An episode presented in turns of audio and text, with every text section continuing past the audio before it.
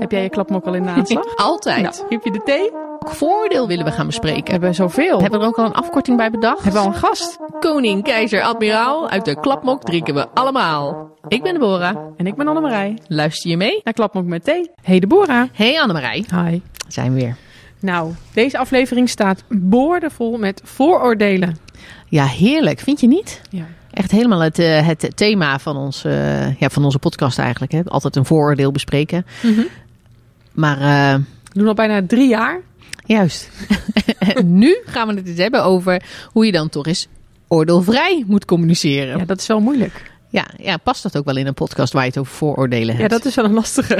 Of juist misschien. Ja, ja, precies, precies. Ja. Ik, eh, ja, ja, omdat we daar iedere keer toch een onderwerp van maken. Ja. En nou is het natuurlijk ook, zijn er wel eens afleveringen waar we niet direct een vooroordeel, maar waar we dan een hoofdthema aan koppelen. Maar het Ja. is toch meestal zijn we echt wel op zoek naar wat is in dit onderwerp nu het vooroordeel? ja, precies. Wat is iets wat men altijd roept als we het hierover hebben?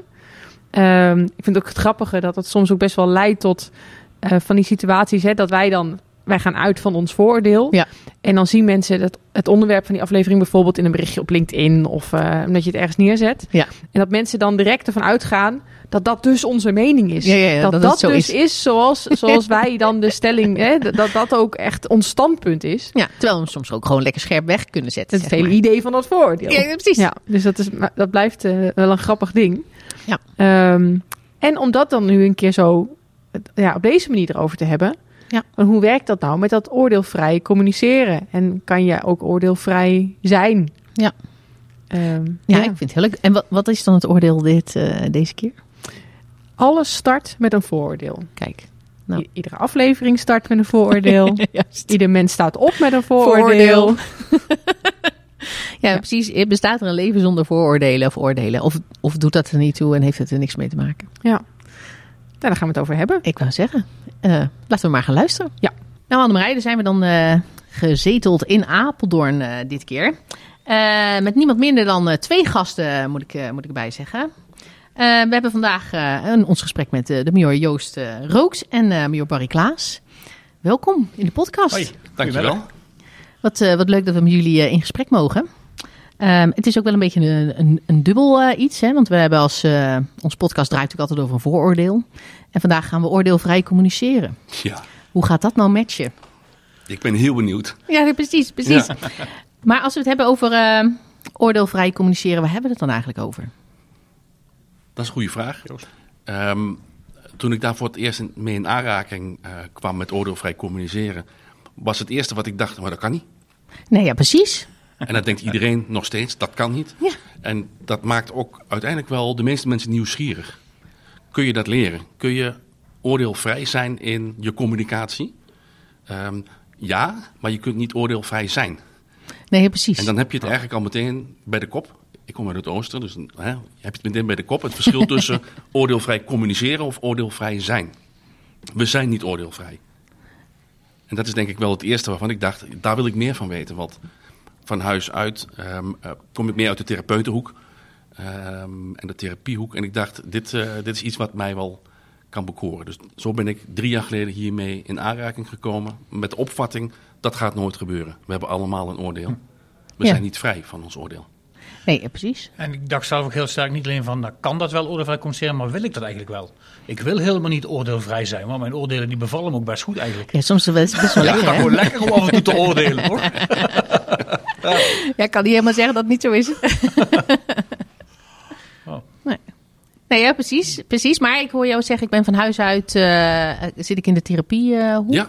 Betekent dat dat we hier met een recidivist te maken hebben? Nee, nee, nee, met Oh. actieve dienend militair. Nou, hoe zit het dan? Ja, nou, ik heb, eh, ja, hoe zit dat dan? Ja? Ik heb eh, bijna twintig jaar lang eh, in de GGZ gewerkt. Oh, oké, ja. Militaire GGZ. Oh, op zo'n manier. Ehm, opgeleid tot systeemtherapeut. Ja. Eh, dus altijd wel mij bekommerd om militaire gezinnen. Ehm, ik zat altijd wel in de curatieve hoek. Wat Mhm. inhoudt eh, dat als mensen problemen hebben, dan kwamen mensen bij de MGGZ terecht of bij de maatschappelijke dienstdefensie. Ehm, en ehm, in dit traject, na al die jaren bij Defensie, kwam ik ook tot de ontdekking dat juist is een keer helemaal aan de andere kant, preventie. Ja, Want oordeelvrij communiceren is ook heel duidelijk een preventief model om, de, om eigenlijk eh, de ellende te voorkomen. En wanneer we er tegenaan lopen, hoe dan kunnen we ermee omgaan? En dat, nou, ehm, dat was vanaf dag één was dat meteen liefde met het onderwerp. Ja, en dan de setting van oordeelvrij communiceren, als we het nu hebben over binnen Defensie. Moet ik dat dan zien vanuit die MGGZ-hoek en, de- en hoe mensen daar privé mee omgaan? Of hoe we dat in het werk doen? Vooral hoe we dat in het werk doen. Ja, ik kan me dit thuis ook wel voorstellen dat het wel handig is. ja nee, het, het, tuurlijk, het, ehm, het wordt een hele duidelijke link gemaakt eh, naar thuis. En de meeste mensen gaan er ook vooral thuis mee oefenen. We zeggen ook altijd, ga thuis vooral ook echt oefenen. En ja, daar kun je eh, niet altijd een beul aan vallen, natuurlijk. Maar ehm, je moet oefenmateriaal hebben. Je moet kunnen gaan oefenen. En daarna ook op je werk de eerste stappen zetten. Ehm, ja, dat is net zoals autorijden. Dat, eh, dat duurt even voordat je een beetje vaardigheid erin hebt. Want kijk, de meeste feedback die we krijgen van de, van de cursisten ook voornamelijk gaat over de thuissituatie. Ja. Eh, ja, het wordt op het werk ook ingezet, maar de echte, de echte winst die de cursisten ons teruggeven is altijd van de thuissituatie. Relatie met ouders, relatie met kinderen, relatie met een partner. Dat ze daar heel veel winst halen uit, uit de training. Ja, ja want eh, maar jullie je insteek is in principe gewoon vanuit Defensie gezien. Ja, hè? Gewoon, ja, eh. Oké. En, ehm, maar is dit iets wat, wat we ook echt heel erg nodig hadden binnen deze organisatie? Hè, wat, Ja, wat is de driver hierachter geweest? Ehm, ja, is iets wat we nodig eh, hadden. Ik, ik ben er zelf mee begonnen puur vanuit mijn persoonlijke ontwikkeling.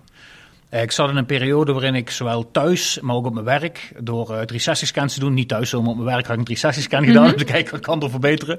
Maar ook thuis speelde wel wat. En wat ik achterkwam is dat, als het gaat om luistervaardigheden en empathie tonen, dat daar wat, zoals het netjes heet, wat ontwikkelruimte zat. om het zo maar te noemen. Oké. Ietsjes, ietsjes. ietsjes, ja, Ja. ontwikkelruimte. Ja, mooi.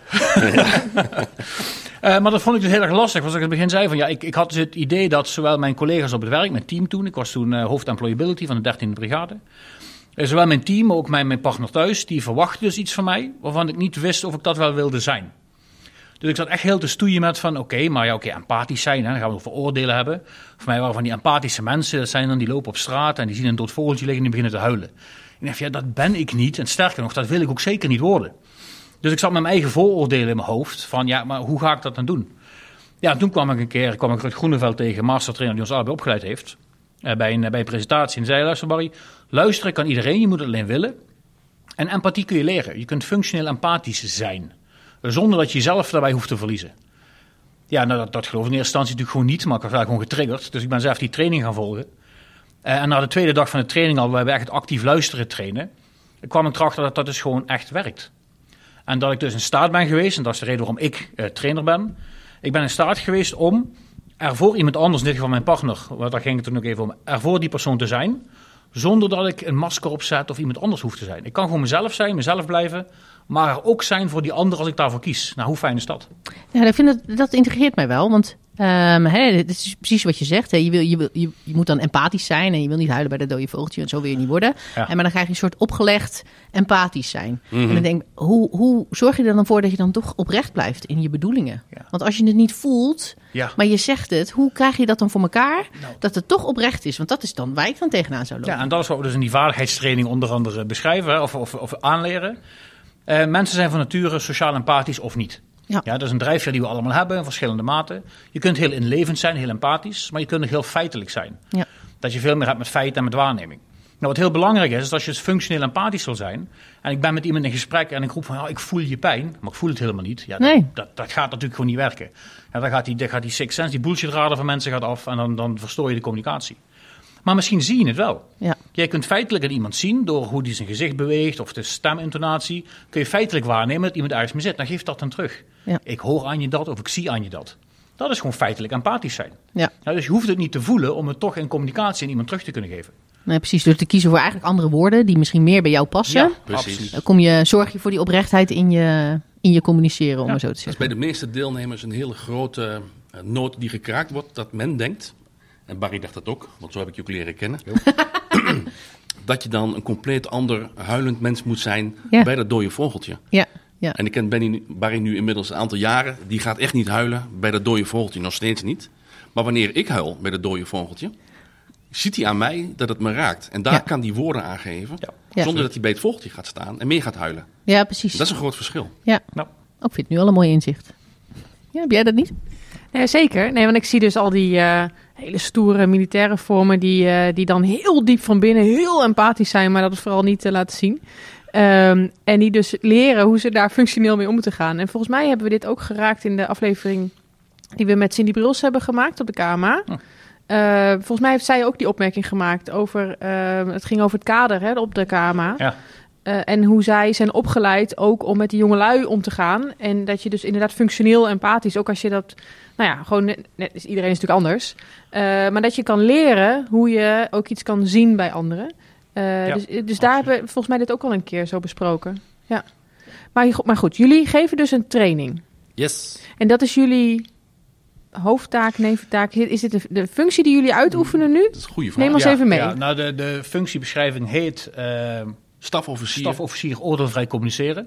Oh, het is echt. Ja, ik, Ja, ik had het ja, ja, ja, En, Ja, ja, ja. Deborah zei al. We hadden even een vooroverleg hierover. Ja, daar had je en, een ik oordeel dacht, over. en ik dacht dat ze, ja, ik dacht dat, ze dat bedacht had. Ja, en een voordeel. Nee, nee, nee. Dat is als je natuurlijk gewoon eh, de heren opzoekt eh, in Ja. Outlook, dan staat er netjes een functiebeschrijving bij. En dan zijn het stafofficieren Ja. eh, ordeelvrij communiceren. Ik denk, nou, dit is echt, het is een vak. Dus, eh, En sterker nog, we gaan het nog spannender maken. oh, Wij als twee majors delen met z'n tweeën één VTE. Deeltijd majors. die zijn deeltijdmajors. Ja. Maar werken jullie dan deeltijd of hebben jullie deeltijd Oh nog een andere er komen baan? meteen vragen, ideeën. Ja, wat precies. gebeurt er Wat- allemaal? Hoe, wat wat, Wat is je doet het gedachte met me? erbij, Wat hè? doet het met je? Ja, Ja. precies. En kan ik nu nog wel ordeelvrij hierover spreken? Jij ziet twee deeltijdmajors en Ja. je denkt, hoe dan? hoe dan? Ja, hoe hebben jullie dat ingericht? Eh, nou, heel, heel in het kader van de oordelen, hè? het zijn geen Ja. vrouwen. Het eerste voor Ja. ja. geen vrouwen. En, eh, en jullie Ja. moeten wel reservist zijn. Dat was ook al een Ja, voordeel. Ja, Ja. ook niet de eerste keer dat ik die vraag krijg als ik zeg dat ik deeltijdmajor ben. Nee. Maar nee, ik ben, ik ben begonnen als soldaat, eh 25 jaar geleden. Ja, ook ken het. Heb ik ook. KMA, lang model. En daarna gewoon infanterieofficier geweest, heel lang. Ja. Overstap gemaakt naar de personeelsdienst. En eigenlijk sinds nu een dik jaar eh, officieel als deeltijdmajor aan de slag. Moet ik ook even aan wennen. Ja. Maar wat, wat, wat, wat betekent deeltijdmajor Ja. zijn voor Nou, jou? voor mij betekent dat 24 uur in de week werk ik voor Defensie. Ja. En de rest steek ik in mijn eigen bedrijf. Oh, wat, wat goed. Wat leuk. En hij is nog iets jongere major, dus ik doe dat in 20 uur. En doe het ook in een eigen bedrijf. Maar het komt gewoon, Dat geef ik eerlijk toe, dat Joost gewoon, eh, dat wat hij doet, daar heb ik gewoon meer tijd voor nodig. Ja, dus dat dan snap heb ik ik wel. 24 uur. ja. Ja, maar ja, dat is die ervaring die hij dan Precies, meeneemt. Hè? Dus, Absoluut, eh, absoluut. ja, wat leuk. En hoe bevalt dat? Ja, naar mij bevalt dat uitstekend. Eh, De flexibiliteit, de vrijheid, maar voornamelijk. Ik heb een hele hoge drijfveer voor afwisseling. Dus het en met defensie bezig kunnen zijn en met, or- en met andere organisaties. En constant leren van elkaar. Ja. En wat ik bij een, een ziekenhuis of een gemeente, wat ik daar weer leer, kan ik weer in defensie gebruiken en andersom. Ja, dat bevalt me heel erg goed. Ja, ja, we zijn een zijstapje aan het maken, Annemarij. Ja. Ja, ja, maar ik wil graag weten wat jullie dan doen naast Ja, ja. dit. Dat, gaan, dat gaan we wel uitleggen. Ehm, het feit dat we met z'n tweeën zijn, misschien toch wel goed om dat wat uit te leggen. Eh, mijn gewenning aan Barry en andersom, ehm, als je het hebt over twee persoonlijkheden die van een compleet andere, die was groot. Ja. Maar dat maakt het juist ook zo ontzettend aantrekkelijk om met z'n tweeën op één stoel te zitten. Met allebei wat andere drijfveren. Ehm, dat heeft tijd nodig gehad om, die, om daar plek in te vinden. Want wij bestieren met z'n tweeën het bureau Odofrij Communiceren. Wij coördineren eh, met z'n tweeën eh, de aansturing van trainers die we niet eh, op de loonlijst hebben staan, maar die doen het in neventaak. Ja. Ehm, en daar hebben we in de loop van de nou ja, afgelopen jaar, 14 maanden, wel geleerd wie waar heel sterk in is. Wat zijn jouw kwaliteiten? Wat zijn mijn kwaliteiten? Wat kunnen we naar de ander toeschuiven? En wat hou ik zelf? Ja, ja, ja, ja, wat vind ik leuk. En, Wat vind ik eh, leuk? bij de oh, ben ander. je echt heel Maar goed wat in. ik leuk vind, en vindt Barry niet leuk meestal, en andersom. Ja. En dat is wel ehm, nou, een gouden duo. En dan hebben we nog dingen die we allebei niet leuk vinden. En daar hebben we andere mensen voor aangesteld. Ja, die ja, dat al ja, voor ja, ons ja, doen. ja. Dus die hebben we ook Heel nog. slim, heel slim. Maar uiteindelijk terug naar de vraag. Ehm, wat, wat doen we dan? Dat is tweeledig. Enerzijds het coördineren en de planning en de doorontwikkeling eh, van het programma en de inbedding en de, ehm, de borging binnen de defensieorganisatie. Eh, we vallen onder stafklas, eh, eh, afdeling HR. Eh, onder Bas de Vries eh, vallen wij. Eh, dus we zijn bezig met de borging en het is niet alleen maar vanuit de klas een feestje, maar we doen het voor alle opkoos, alle, eh, alle dienstonderdelen, burgers en militair, van soldaat tot met generaal. Dus dat is eh, voor iedereen toegankelijk. Absoluut. Ehm, en die doorontwikkeling, dat doen we wel op eigen kracht. Met ons tweeën. Plannen bedenken, tegen het licht aanhouden, uitvoeren, eh, uitproberen. Eh, het Old Boys Network, maar ook het gewone formele netwerk Ja. eh, in.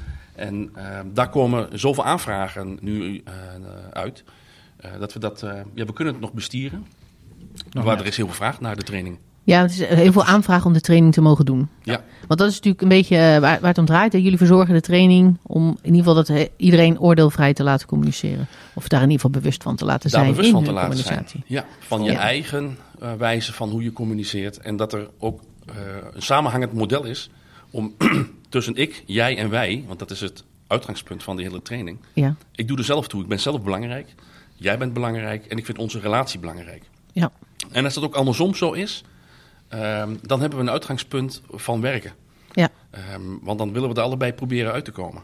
Nou, er zijn vandaag de dag heel veel voorbeelden. Als je kijkt naar vorig jaar, eh, de oorlog die gestart is, eh, Israël en Hamas, daar, Hamas, daar zijn ze tegenover elkaar. Daar is ik, jij, wij niet aan de orde. En wij proberen juist eh, vanuit die sociale veiligheid dat op te zoeken. Dat, ehm, waar de meeste mensen moeite mee hebben, ik doe er ook toe.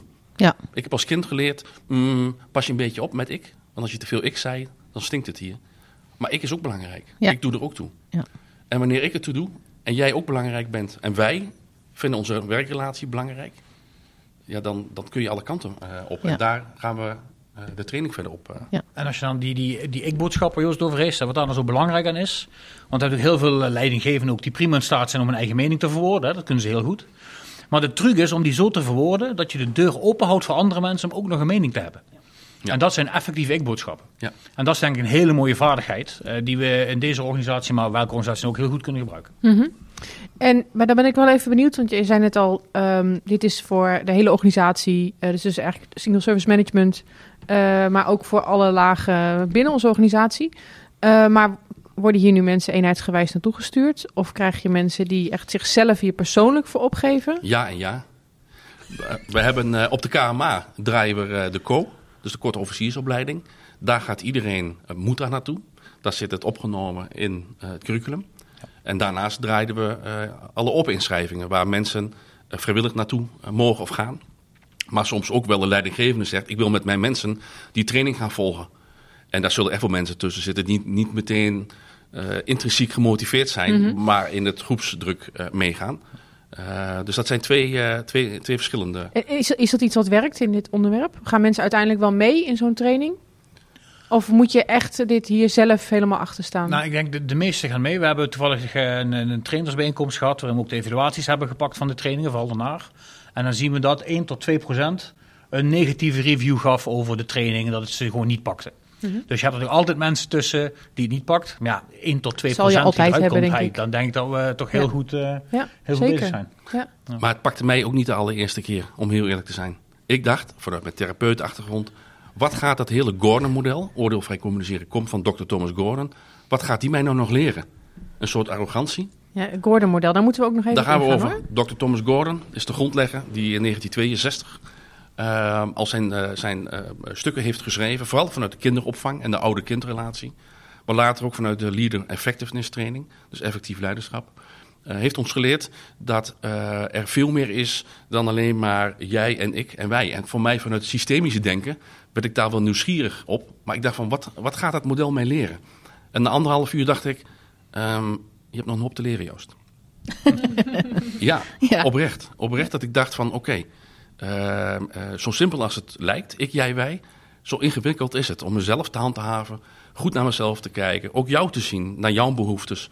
En wat zijn onze behoeftes? En dat dat niet de kwestie is van een keer eh, schudden en dan hebben we samen een oplossing. Want dan ga je namelijk naar een compromis toe. Ja. En dat is dit niet. ja, ik heb ook alweer helemaal het haakje naar werkgeluk van Harold. Ja, echt, we ontkomen er niet aan. Gewoon iedere aflevering weer. Ja, dat is, dat is zeker waar. Maar kun je ons, want ik ben, ik ben nu helemaal, ik zit op het puntje van mijn stoel. ik ga hem ook inschrijven voor de cursus. Heel Maar- goed. Je Ja, staat ja, al Ja, op. wij samen, wij samen. Ja, zeker. Ja. Nee, maar, serieus. ehm, die eh, dokter eh, Thomas Gordon, eh, die heeft dan een methode. Kun je ons, eh, zonder dat we hier nu die hele cursus gaan zitten doen natuurlijk, een, tipje van de sluier oplichten. Waar gaat het dan over? Want je geeft aan, eh, ik, jij en wij, dat is... eh, Nou, dat, dat, dat is is de basis van eff- eff- effectief communiceren. Als je met iemand effectief wil zijn in die communicatie, samenwerking, dan moet je jezelf waarde toedichten. Je moet die andere waarde toedichten, liefst evenveel. En de relatie moet belangrijk zijn. En als die, die basisvoorwaarde niet voldaan is, ja, weet je, dan maakt het niet heel veel uit hoe je communiceert, denk ik. Want dan ga je niet aan de relatie werken. Om afscheid nemen. gaan we afscheid nemen uiteindelijk. Eh, maar de basis van het model is dat we beginnen te leren met eh, feitelijke waarneming. Oftewel, je eigen oordelen leren herkennen, erkennen, maar die vooral even niet te gebruiken. Dus wat zie je nu eigenlijk? Wat hoor je iemand nu echt zeggen? Wat zie je iemand nu echt doen? Nou, dat zijn basisoefeningetjes die we altijd doen, waar je al de, de allergrootste aha-erlebnis hebt mensen, want wij oordelen allemaal. Ja. En heel snel. Ja, en, ja, ja. en direct. En om je een voorbeeld te geven, je bent op je, op je werkplek en er komt een collega binnen en je denkt meteen, jongen, jongen, wat ziet die er boos uit? Ja. Dat komt omdat je die collega kent en weet hoe die normaal kijkt. En nu staan de ogen anders. En daar heb je een oordeel over. Ja. En meestal zeg je dan, wat kijk je boos? Of wat is er? Want je kijkt zo boos. Daar heb je dus een oordeel over. En als dat al de opening is van je benadering, hè, van je eerste zin, dan kan het al zijn dat die collega al achterover. Want er is, er is helemaal niks aan de hand. Iemand heeft misschien wel eh, verdriet of er speelt niks en er is wind van buiten. Dus vragen en teruggeven wat je hebt gezien. Dat wat Barry ook zegt, het feitelijke gedrag onderscheiden van je oordeel, van je mening. Daar begint echt het hele model al mee. En als het model zelf, als je vraagt, daar gewoon even snel. Het model heeft eigenlijk gewoon vier vlakken. Waarbij je, als je dit eerst gedaan hebt, daarna ga je even naar jezelf toe en kijken naar je eigen acceptatiegrens. Wat vind ik daar nu eigenlijk van? Hey, dat is een oordeel. Ja, dat klopt. Bij oordeelvrij communiceren ga je dus leren te oordelen over hetgeen wat je ziet. Heel goed. Ja, maar dat is jouw acceptatiegrens. En die verandert. Heb je goed geslapen? Heb je wel of niet die loterij gewonnen? Eh, hebben de kinderen doorgeslapen? Eh, Noem maar op, dat soort dingen. Doe iets met je acceptatiegrens. Wie is die ander? Waar ben je? Allemaal dingen die daar iets mee doen.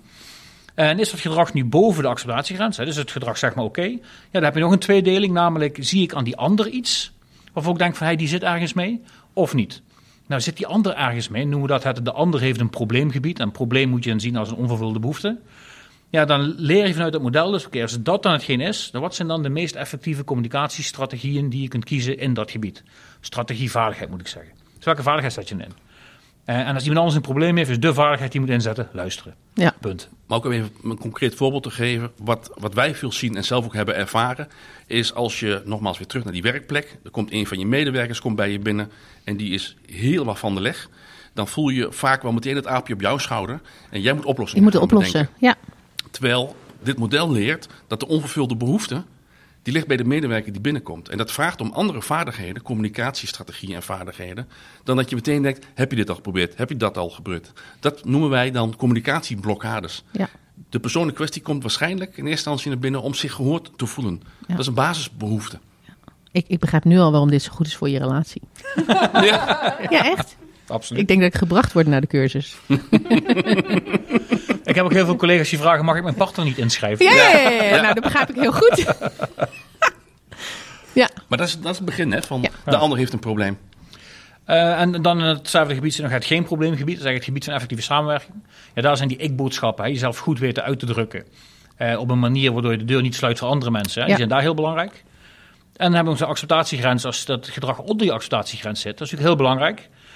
Is dat we dus aanleren dat als gedrag voor jou niet acceptabel is, dan is dat dus jouw probleem. En dan is het aan jou om er iets mee te doen. En dan ga ik een effectieve confrontatie leren. Hoe ga je dat nu bespreekbaar maken? Ook weer op een manier waarop je de kans op het beschadigen van de relatie zo klein mogelijk houdt. Ja. Als je iemand gaat confronteren, loop je natuurlijk altijd de kans dat er iets gaat gebeuren.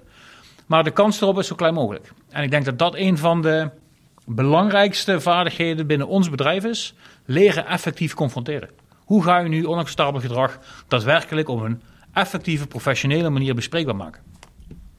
Heb ik vandaag nog gedaan. Oh, Nou, oh, neem ons eens we mee. gaan er meteen toetsen. Ja.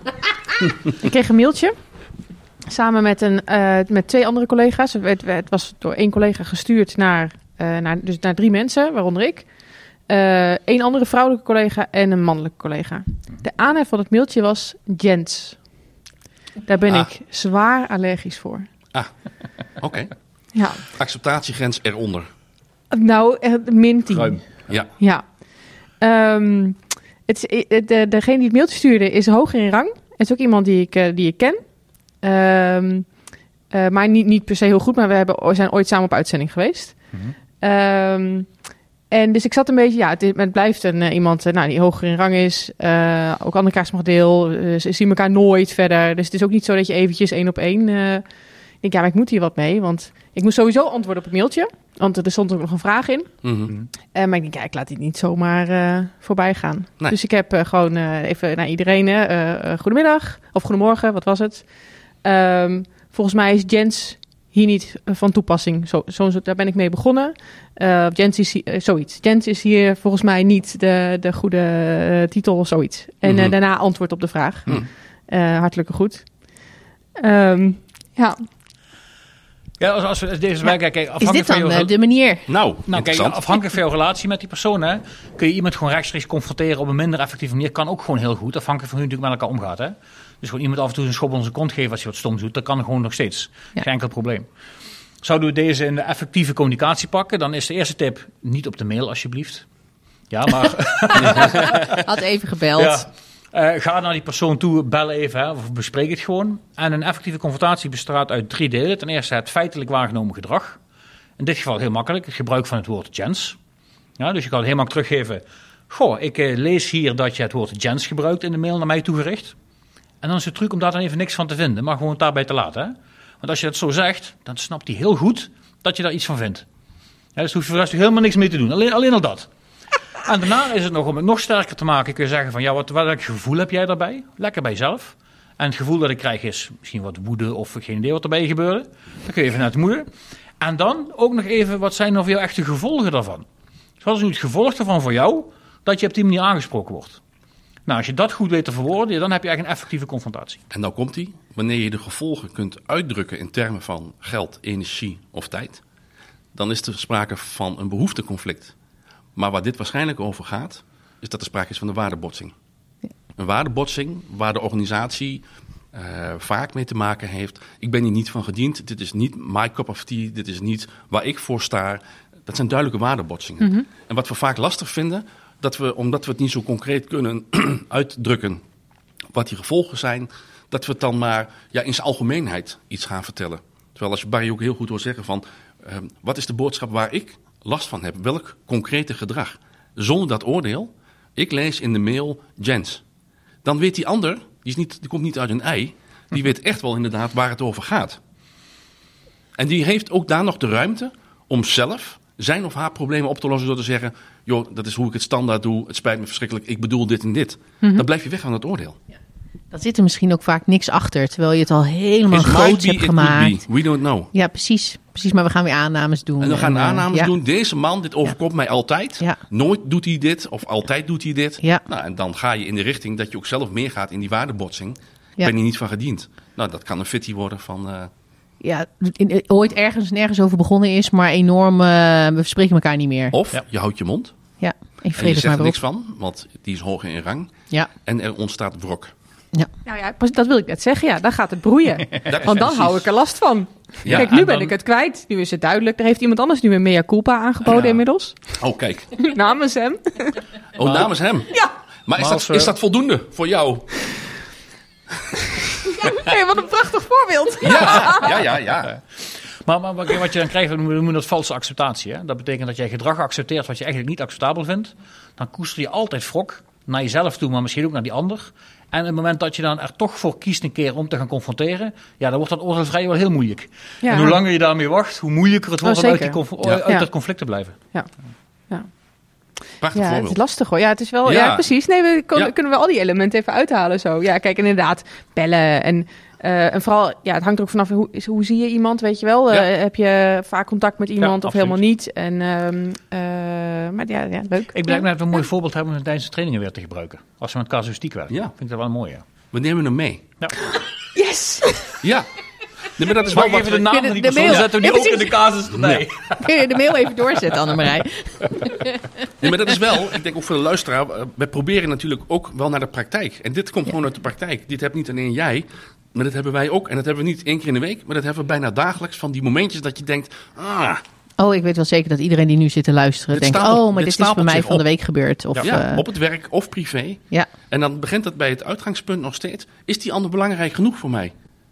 ja. En als dat niet zo is, ja, dan ga je dan niet hopeloos inmengen met deze eh, methode.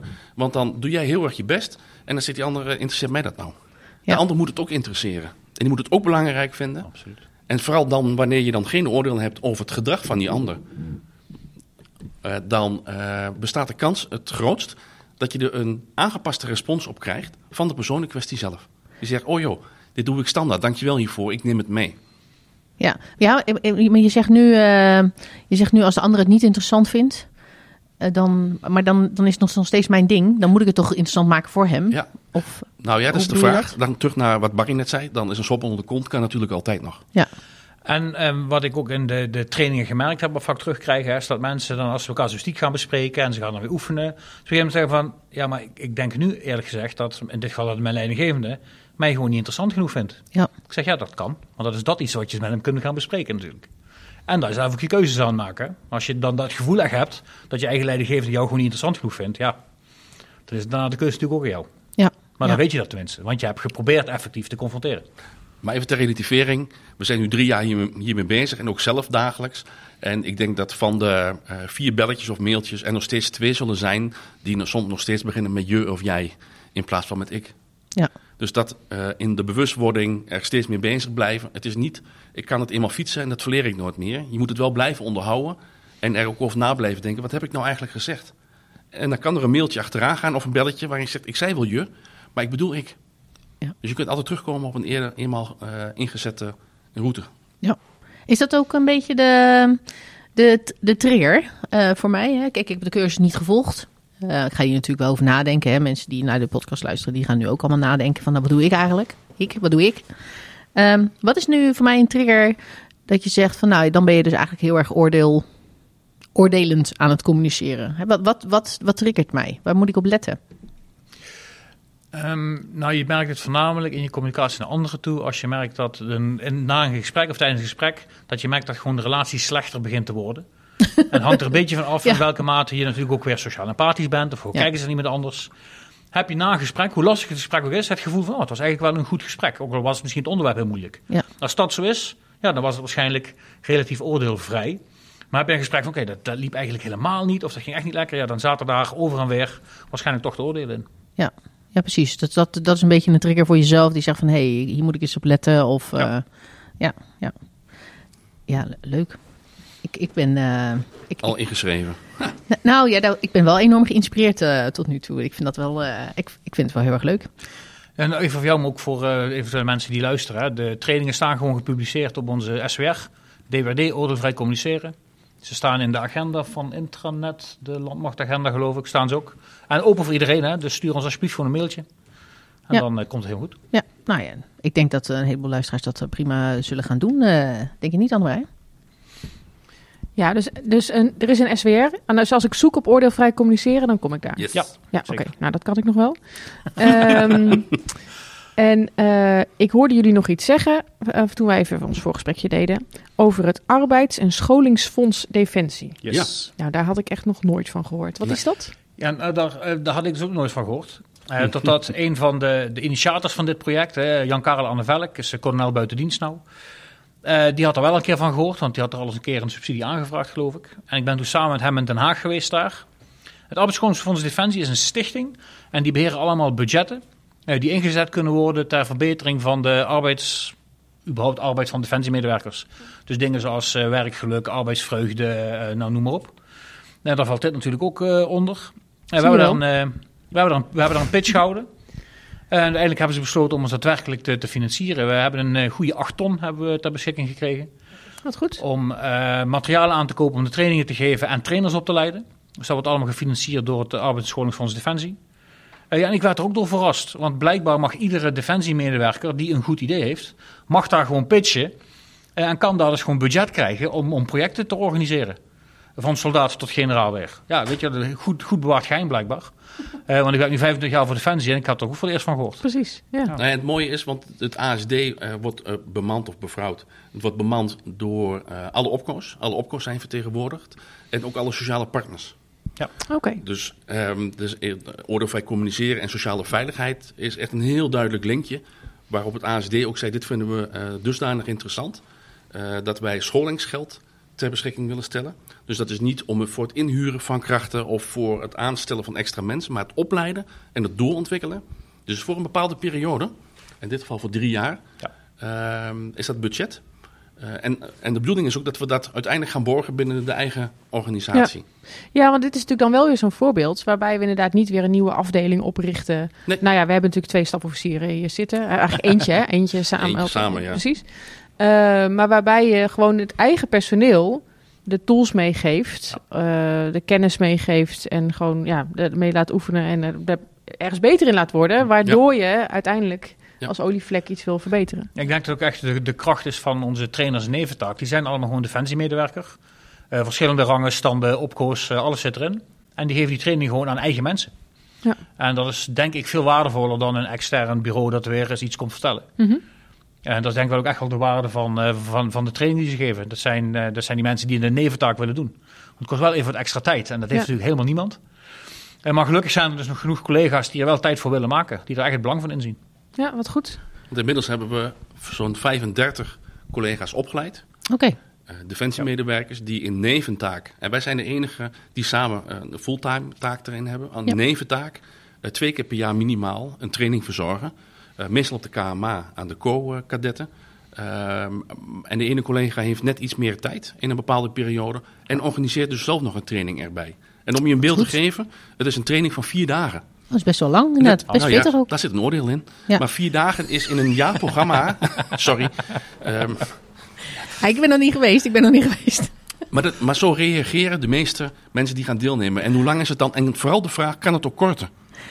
En- Nee, ik kan me voorstellen dat het niet vier dagen achter elkaar is. Nee, correct. Ja. En, eh, je kunt het in verschillende vormen aanbieden. Eh, de meest voor de hand liggende is twee keer twee dagen. Onze trainers komen soms van ver, blijven met een overnachting. Ja. Doen dan het eerste blok twee dagen en dan drie weken later nog een keer twee dagen. Maar we hebben ook wel een aantal voorbeelden dat we iedere week of iedere twee weken één dag. Eh, dat is wel een beetje maatwerk, maar uiteindelijk is het een 24 uur training. Die ook wordt afgerond en afgesloten met een officieel certificaat van Gordon Training International. Oké. Die wordt uitgegeven door de Stichting Nederlandse Effectiviteitstrainingen. Zij beheren de licenties, zeg maar. Eh, dus het is ook wel een officiële training die je krijgt. Het is geen Geen, geen eh, even eh, even hobby. echt leuk. Een hobby Nee. ding. Nee. Ik ga maar afpellen, de training zijn zes modules die gegeven worden. Dus je zou er zelfs voor kunnen kiezen om zes dagdelen te verspreiden over een bepaalde tijd. Als dat beter uitkomt in de planning, dat kan ook. Hebben jullie nou ook een lange wachtlijst? Eh, we hebben nu geen wachtlijsten, want de trainingen die we hebben, die lopen, die lopen vol. Eh, maar we merken dat we nog beperkt zijn in het aantal trainers en eventaak die ook tijd hebben om trainingen te verzorgen. Ja. Dus de trainingen lopen vol. Ja, dan is het weer net een kwestie van wachten tot we training hebben. Want mensen, er is geen wachtlijst waar je kunt inschrijven. Mensen kijken naar wanneer trainingen zijn en schrijven zich in op een vrije plek. Ja. Dus of er wachtlijsten zijn, weten we eigenlijk gezegd niet. Nee, nee, dus maar wij gaan, wij gaan sowieso zoeken en dan kijken wanneer het past. En dan gaan wij lekker deze training doen, denk ik. Nou, dat denk ik wel. Ik, eh, ik, ik merk al aan mijn, aan mijn manier van communiceren dat er enorm veel oordelen in zitten. Dat is ook geen verder oordeel natuurlijk, maar dat is het zeker. maar goed, helemaal, eh, helemaal ordevrij communiceren. Ik weet niet of dat eh, een haalbare zaak is, maar het feit dat je daar bewust van wordt, ik denk dat dat de winst is eh, Ja. die, je die je gaat pakken. Want soms, ik kan me ook voorstellen, daar begon je eigenlijk zelf al, al mee, Barry. dat het soms ook wel eens lekker is om gewoon een oordeel te hebben ja, in de manier van communiceren of wat je tegen iemand wil zeggen. En wanneer je zo. in het geen probleemgebied zit en gewoon effectief samenwerken, Is er ook geen probleem. dan kun je alles tegen elkaar zeggen. Ja. En dat kan dus ook met oordeel zijn. Ja. En dan merk je vanzelf wel hoe erop wordt gereageerd. Ja. Ja. Of de ander daar een probleem mee heeft. Precies, je kan gewoon oordelend naar je blijven communiceren, Annemarij. Begrijp ik uit deze. Ehm, ja, ik heb toch nog wel even een, eh, een, een laatste vraag.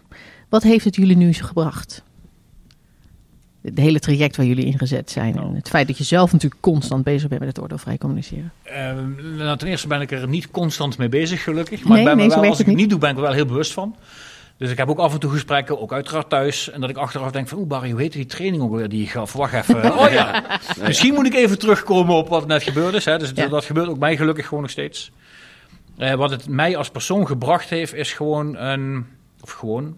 eh, is, een, is, een, is een verdieping en verbetering van mijn relaties. Ik ben er veel bewuster van. Ja. Ik ben me heel bewust geworden van de, van de waarde van relaties die ik heb, zowel thuis als op het werk. En dat ik daar ook gewoon zelf in kan sturen als ik dat wil. Ja. Eh, en dat is voor mij wel heel erg waardevol. Ja. Ja, ja. En bij mij is het eh, wat waardevol is en ook is geweest. Ik, ben- ik heb de training eh, ben ik gaan doen. Ik ben trainer geworden en uiteindelijk zit ik nu eh, zeg maar, eh, in het bureau of aan het bureau. Eh, mijn partner, mijn vrouw, die zei op een gegeven moment ook dat iedere keer met dat, dat actief luisteren. En dat vind ik erg interessant. En uiteindelijk heeft ze zelf ook de training in de burgermaatschappij zelf ook gevolgd. Oké. En zitten we af en toe wel eens tegen elkaar eh, dit is een confronterende ik-boodschap of dit is een communicatieblokkade. Kun je dat ook in ik of jij formuleren? En dat is, dus het is ook echt een relatiemodel waarin we ook lol kunnen hebben. Omdat je er bewust van wordt hoe vaak je wel niet met elkaar in dat soort ja maar jij, ja maar jij. Ja, maar het klinkt wel heel gezellig. Het klinkt heel... Ik ga hem ook gewoon gebruiken hoor, vanavond als ik op de bank zit. Ik merk dat jij in een communicatieblokkade zit.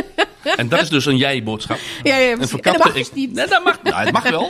Maar wel maar er, eerst zijn- naar je er is een betere manier. Ja, precies.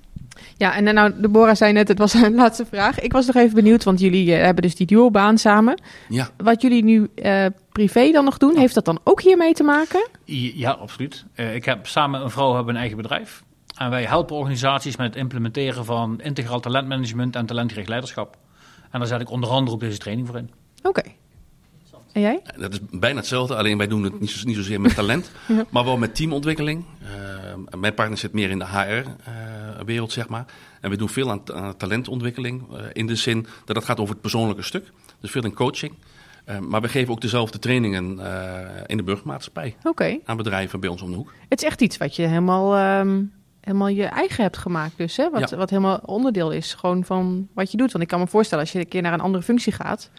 eh, dus is dat privéstukje, dat blijft.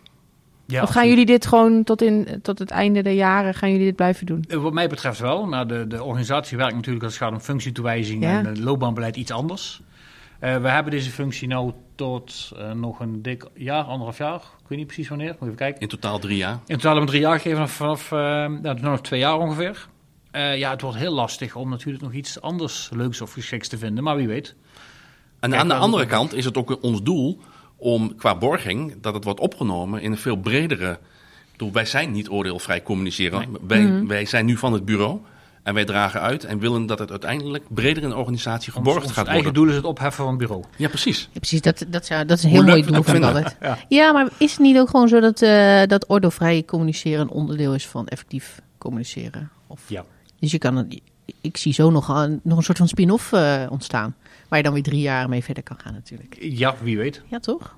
Absoluut. Nou, Absoluut.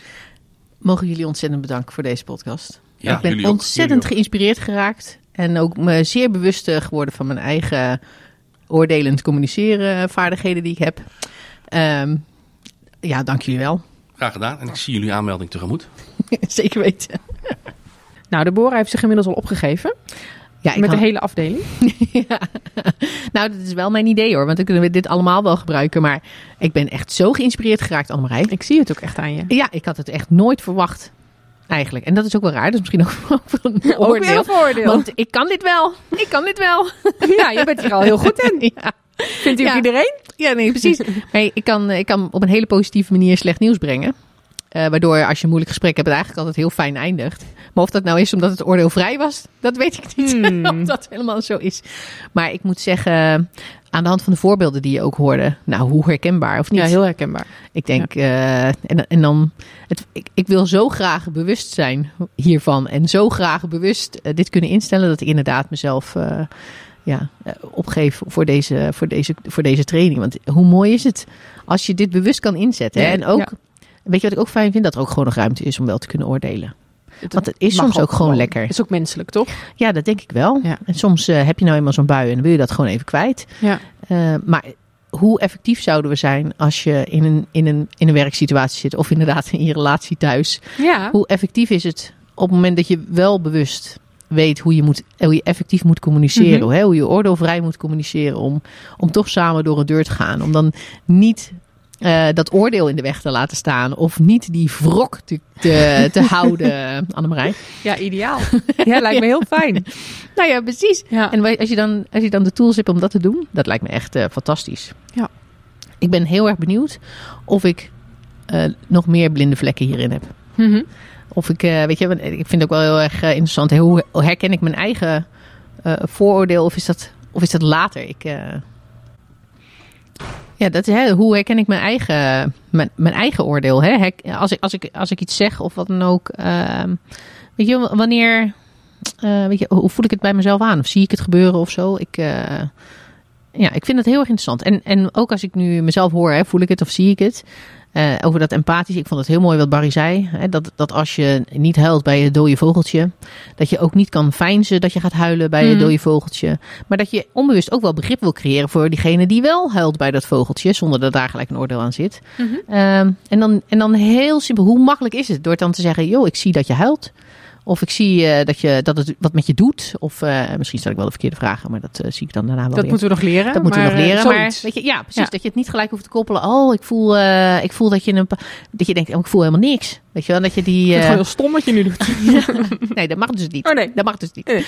Maar dat is, dat nee, maar is dat, wel. dat gevoel kan, dat is even vanuit de ik-gedachte. Ja. Volgens mij, ik weet hier ook nog helemaal niks van. Zitten maar, wij nou maar dat is wel het gevoel dat er bij je opkomt. zitten wij het Thomas Gordon Mooi, model, hè? eh, Ja, zonder dat we precies weten hoe het het nu zit. al leuk. Ja. En eh Deborah, Ja, Annemarij. ik doe er ook toe. ja, zeker. zeg ik dat te weinig tegen je? Nee hoor. Oh, ik zeggen. Ik, jij, wij. Ik, jij, wij. Dus. Ja, nee, maar ik Goed. vind het mooi. Ja, nee, maar mooi. ik ook. Ja. Ja. En eh, ik ga me gewoon samen met Bart opgeven hiervoor. Verrassing, Bart, als je luistert. Eh, we gaan, Je we gaan we gewoon lekker doen. Ja, nee, heel Ehm, leuk. Ja, nee, ontzettend interessant. En eh, ik denk heel leerzaam. Wat ik wel interessant vond ook net, want ehm, ik zei net al, jij gaat met de hele afdeling. Eh, dat vroegen we net nog even, hè, het- weet je, het maatwerk eh, Ja. traject. Ehm, een beetje van een groep van rond de 7 en de tussen de 7 en de 12. Ja, 8 kunnen en ze- 12. Ja. Zoiets, ja, precies. Kunnen ze goed handelen. Ja. Dus, eh, dus dan kan je ook aangeven van, nou, we komen met, we willen dit graag met, een, ehm, met onze afdeling, met onze hele groep doen. En dan eh ja, komen je ze daar ook bij jou op locatie. voor maken. Dus doe dat vooral als je... Als je denkt, joh, dit zouden wij wel eens kunnen gebruiken Ja. binnen de afdeling, want dan worden wij ook een stuk effectiever van. Precies. En het is dus ook niet alleen voor de landmacht. Deze twee collega's werken dan wel bij het klas, maar het is voor de hele organisatie. Ja.